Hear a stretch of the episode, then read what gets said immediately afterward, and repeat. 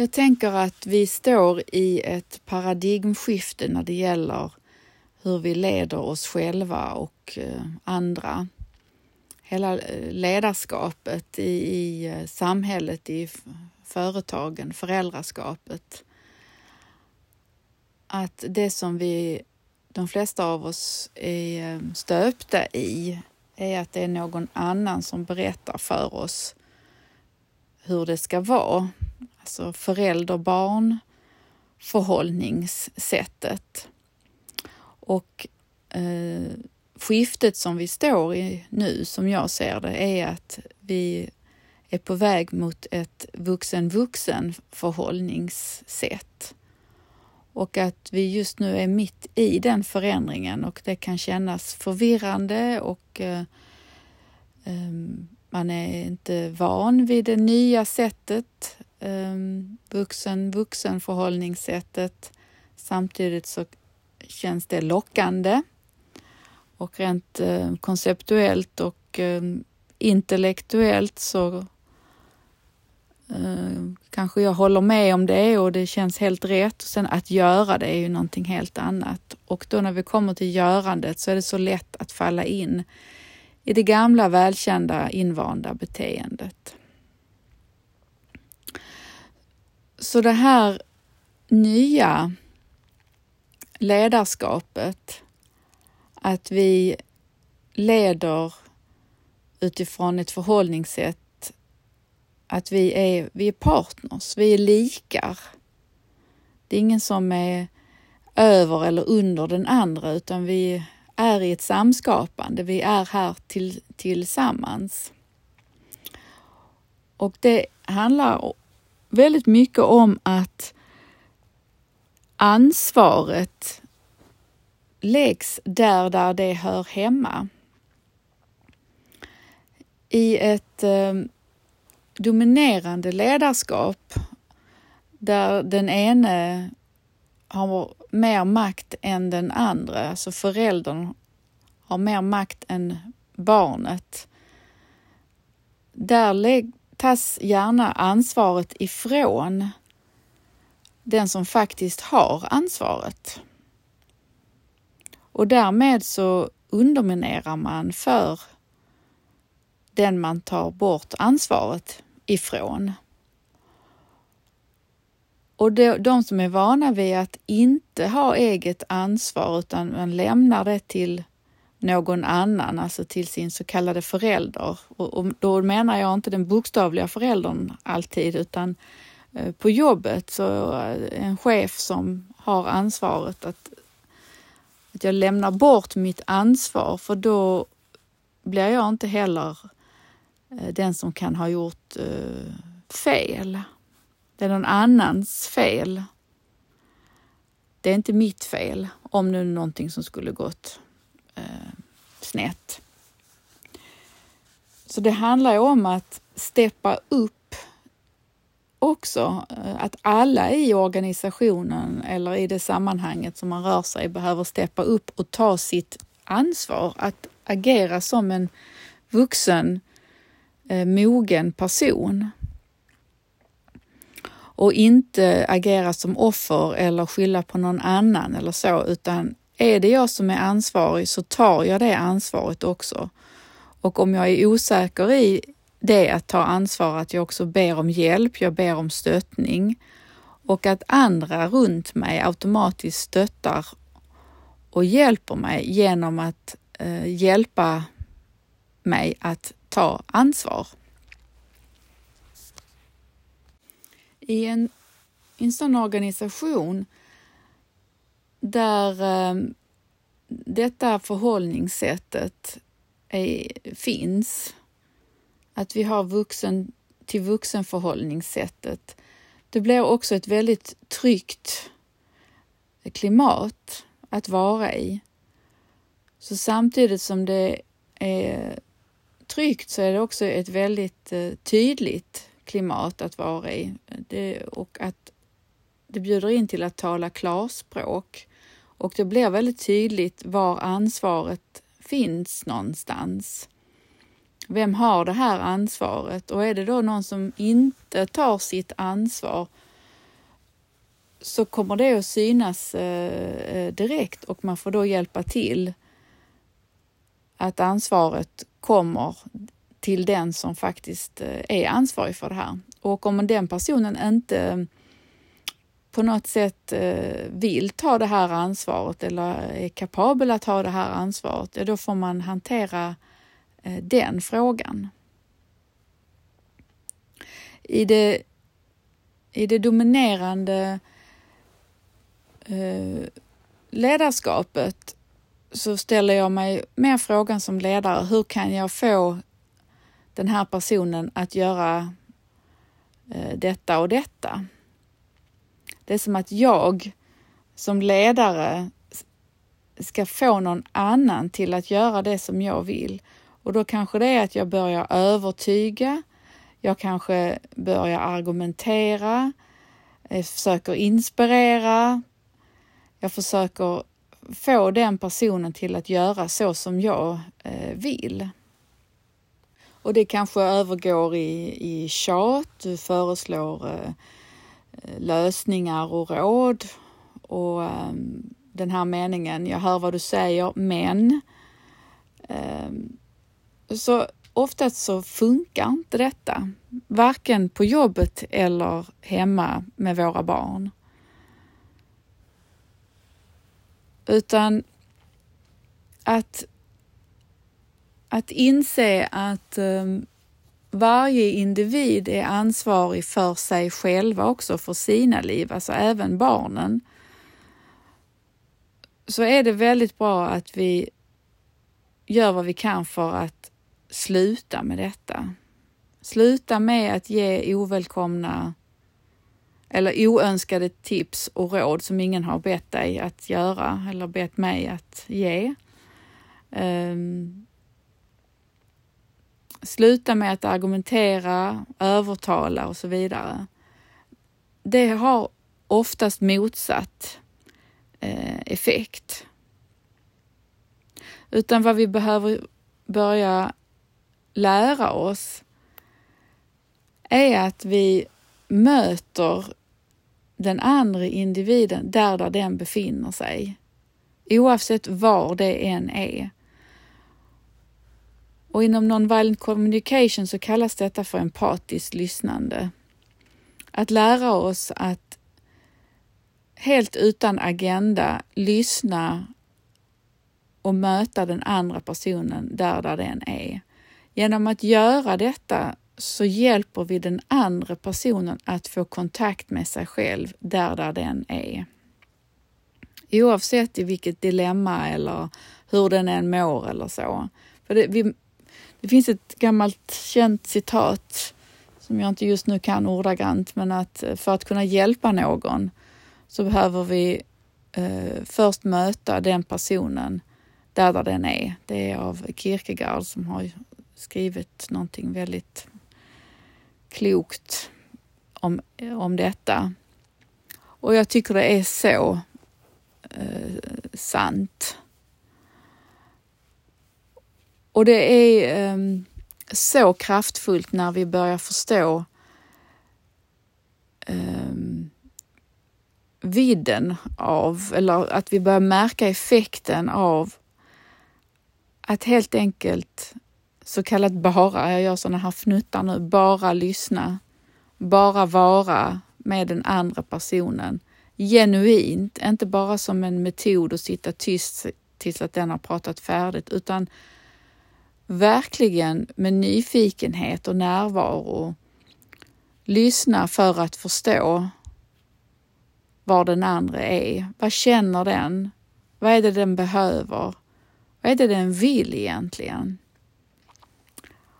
Och då kan man ju spegla detta genom att eh, berätta. Jag, jag gissar att du eh, känner dig upprörd nu för att detta har hänt och att du har ett behov av klarhet kanske. Stämmer det? Så kan man öva upp sin förmåga. Eh, och på min hemsida, så jag nämner det igen, jag har en pdf-lista där med med eh, en lista på känslor och behov. Så att vi lär oss detta vokabuläret, att kunna sätta ord på känslor. Det är förvånansvärt många som inte kan sätta ord på vad de känner och vad de behöver. Eh, och hur ofta vi blandar ihop eh, våra genuina behov med strategier. Och jag har gjort eh, några poddar om detta. Mina allra första poddar, avsnitt 1 till 5 tror jag det är, handlar om non-violent communication och, och det jag pratar om här nu för dig som är intresserad av att eh, lära dig mer om det så rekommenderar jag de avsnitten. Så att verkligen möta den andra precis där, där den är och inte försöka driva på samtalet utan att vara en, en följeslagare med den andra. Och jag har upplevt det om och om och om igen. Jag blir liksom lika fascinerad egentligen varje gång. Att när den andra personen är redo, när den har blivit lyssnad på och fått prata av sig, den har verkligen blivit hörd, så får den kontakt med sig själv och ur det kommer en, en väg framåt som den äger, som den därmed tar ansvar för.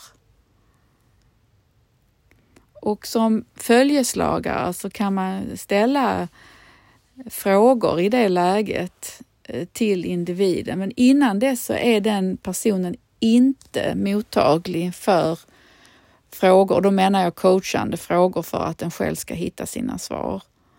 Så att en person som, som är i det tillståndet att den är upprörd, den, eh, det är oklart i den, den är förvirrad och så vidare. Den behöver landa i sig själv och det är ett väldigt medmänskligt, medkännande sätt är att få prata av sig osensurerat med en annan person som, som är där och lyssnar på mig med genuint intresse.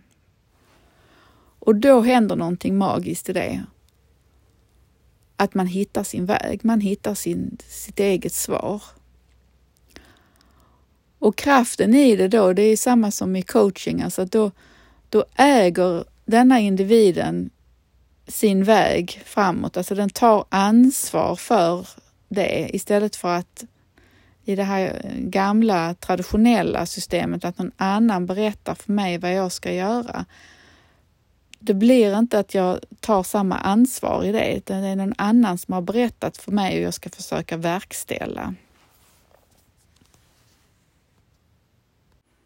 Så när du har med en person att göra som, som eh, känner sig så förvirrad och frustrerad och, och um, um, reagerar väldigt, um, alltså är reaktiv, eller om det eh, handlar om dig, eller om mig för den delen, så är det detta sättet som jag just uh, nämnde som är uh, oerhört effektivt. Och jag drar mig för att använda det ordet effektivt för jag vill verkligen inte att detta ska bli som en, en uh, en metod utan mer försöka komma ifrån det medmänskliga stället i oss.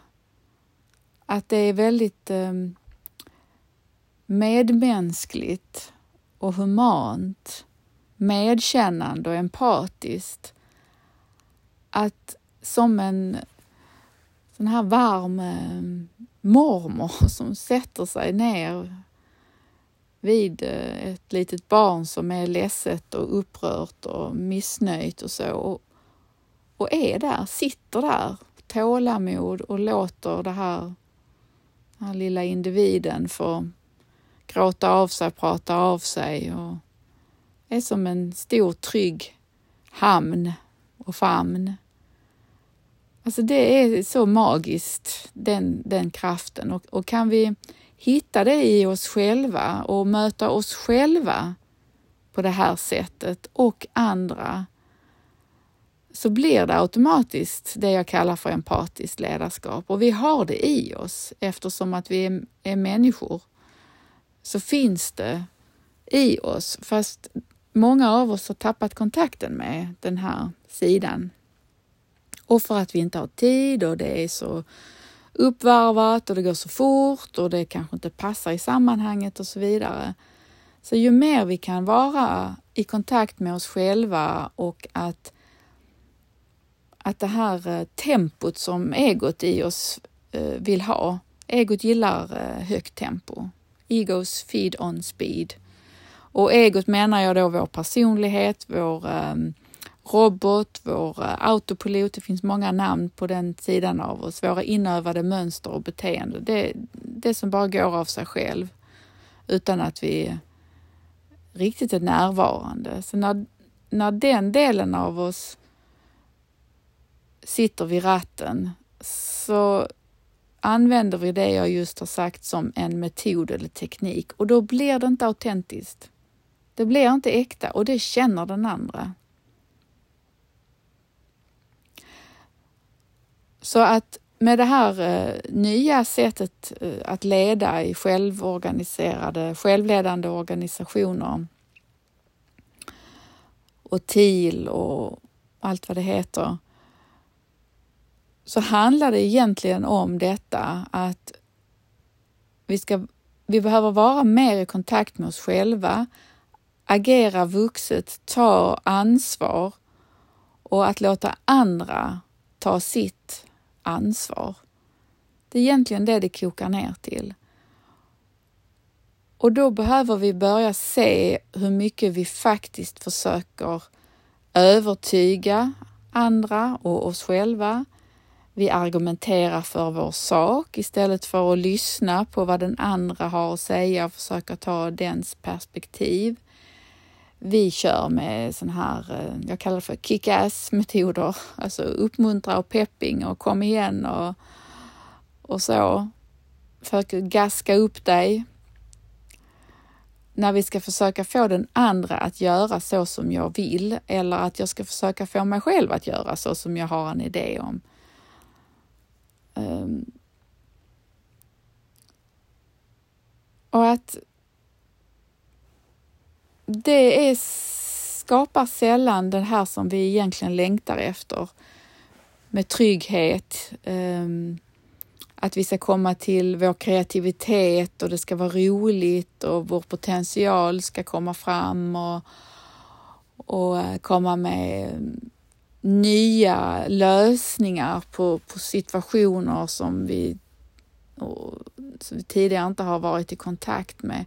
Alltså för att vi ska vara våra bästa jag så behöver det kännas eh, lugnt, tryggt, det behöver vara tillit, det som vi kallar högt i tak och då, och då på riktigt, att vi har flyttat oss från vad som är rätt och fel, utan vi har ett lärande. Och där vi är genuint nyfikna på oss själva och, och, på den andra och försöker förstå var den kommer ifrån och att både mitt sätt och den andres sätt är, är lika okej. Okay. Och inget är rätt eller fel, det är bara olika sätt att se det på. Så hur kan vi liksom hitta någonting här som är som, som fungerar för oss båda, att vi kan komma fram till någonting samskapande.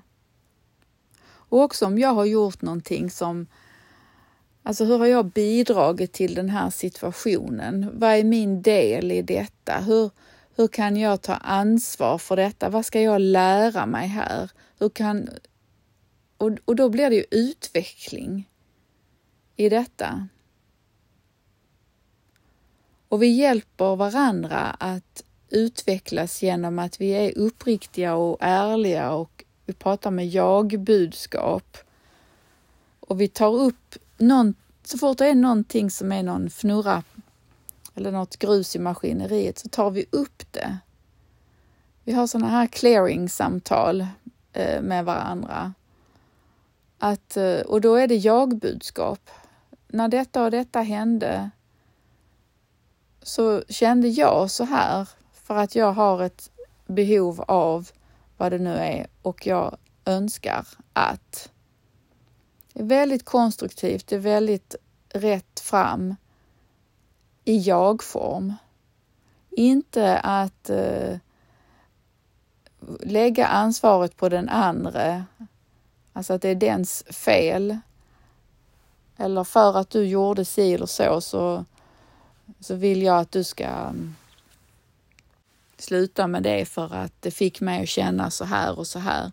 Och då lägger vi, gör vi den andra till ansvarig för att jag känner som jag gör, utan jag behöver ta ansvar för mina känslor. Det är ingen annan i hela världen som är ansvarig för våra känslor. Det är bara vi själva. Den andra kan ha gjort någonting som stimulerar någonting i mig och det handlar om mig. Så menar jag inte att vad den andra nu gör kan, kan ju vara bortom att vi behöver sätta gränser och så också. Det handlar om att att inte längre låta känslorna styra oss okontrollerat och låta dem styra våra beteende och jag känner ju så här, därför är det okej okay att jag agerar och, och, och gör så här.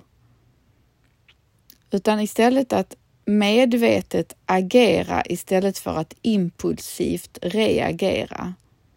Alltså det där är så viktigt att förstå skillnaden på den. Att medvetet agera.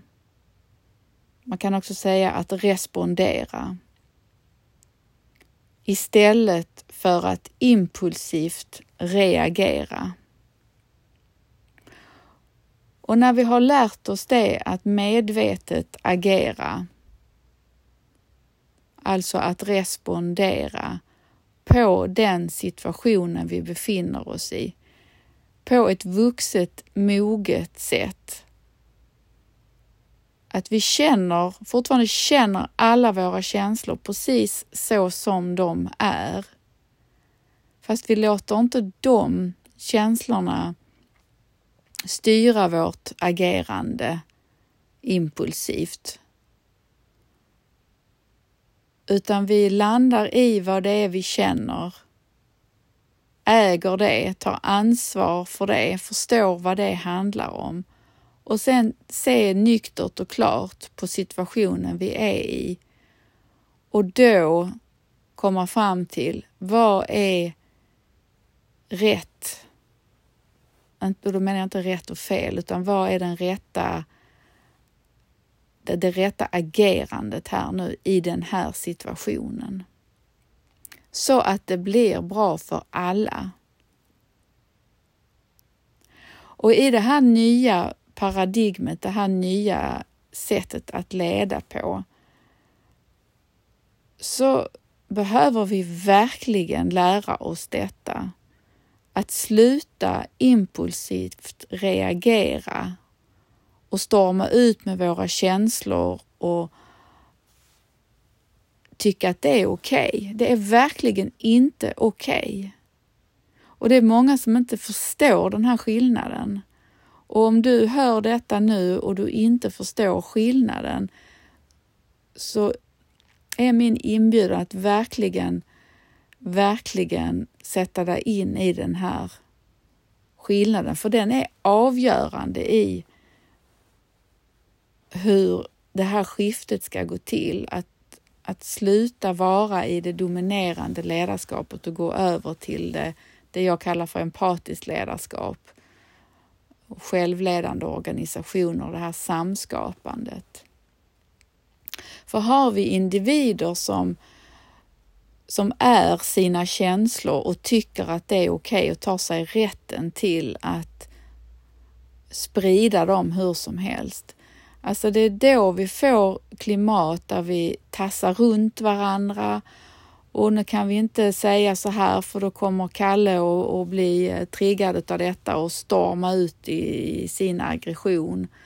Eller vi har eh, någon annan som blir jätteledsen och kommer att bli helt tyst om vi säger så här. Alltså när vi börjar ta, ta ansvar för andras känsloreaktioner för att vi liksom ska försöka undvika att det händer.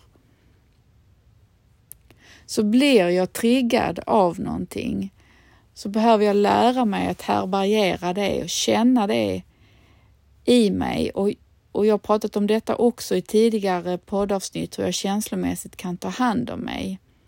Jag för mig det är avsnitt 33 eller 32. Det var typ i augusti förra året, 2022, som jag gjorde något avsnitt om det. Att um, öka, öva upp den muskeln att kunna känna alla mina känslor utan att agera på dem impulsivt. Och, och kan jag känna mina känslor utan tankarna kring dem, alltså den, den fysiska sensationen av dem, så klingar de av, de, de transformeras till någonting annat. Och då blir det klarare i mig vad som behöver göras i situationen som råder. Och jag har gjort något tidigare eh, poddavsnitt också, slår det mig nu, som jag tror heter reagera versus eh, respondera. Och det här är en jätteviktig nyckel. Jag kan inte nog um, betona det här. Och det är utmanande för oss att, um, att lära oss detta, att uh, respondera istället för att reagera. Det är nytt för många. Ett nytt förhållningssätt, ett nytt synsätt. Ehm. Men vill du utvecklas och vill du vara med i det här nya och, och, och verkligen steppa upp och lära dig det här um, platta ledarskapet, vuxen till vuxen ledarskapet, eh, ett moget ledarskap skulle man kunna säga, ehm, så är detta så väsentligt. Att ta ansvar för sina egna känslor och upplevelser och förstå att det handlar om mig. Det handlar om någonting som förmodligen är ganska gammalt i mig som blir triggat. Det kan handla om att jag har gjort en tolkning av situationen. Så att, att lära sig att se objektivt på vad som faktiskt har hänt, att använda den här metaforen med filmkamera och det har jag också pratat om i tidigare avsnitt, att eh, skilja en eh, tolkning från den objektiva verkligheten. Och hur de flesta av oss Eh, tror på våra tolkningar av situationen och reagerar på det och tror att det är det som är sant. Så att i ett rum, i ett möte till exempel, fem personer, så har man inte utvecklat den här förmågan att, att se den objektiva sanningen om vad som verkligen händer, så sitter alla fem med varsin sanning, varsin tolkning av situationen och argumenterar för sin egen eh, sanning, sin egen så kallade sanning. Och det är så konflikter uppstår och, och att det är svårt att, att samarbeta och samskapa och komma framåt för att man faktiskt sitter med helt olika verkligheter. Så non-violent communication, alltså NVC, eh, det är grunden i NVC, att lära sig urskilja en observation från en tolkning. Och det, ehm, det gör otroligt mycket för vår egen inre utveckling och i vårt, vårt relaterande med andra om vi kan börja förstå våra egna tolkningar och lära oss att se och uppfatta den, den objektiva verkligheten. Ja, det var mycket som kom här nu, många olika spår. Um, och jag har refererat bakåt till andra avsnitt och så, så jag hoppas att det inte blev för rörigt utan att min andemening kom fram. Mm, som ju egentligen handlar om inre utveckling, att möta det vi behöver möta i oss för att kunna agera vuxet och ta ansvar. Det som är mitt ansvar, stå i det och också ta ansvar för eh, min egen, eh, mina egna känslor och, och om och, och, och se vad jag gör tolkningar som jag reagerar på och istället lära mig att se vad som faktiskt har hänt och då att agera med medvetenhet istället för den här impulsiva reaktionen som vi ofta ser i samhället. Hej så länge!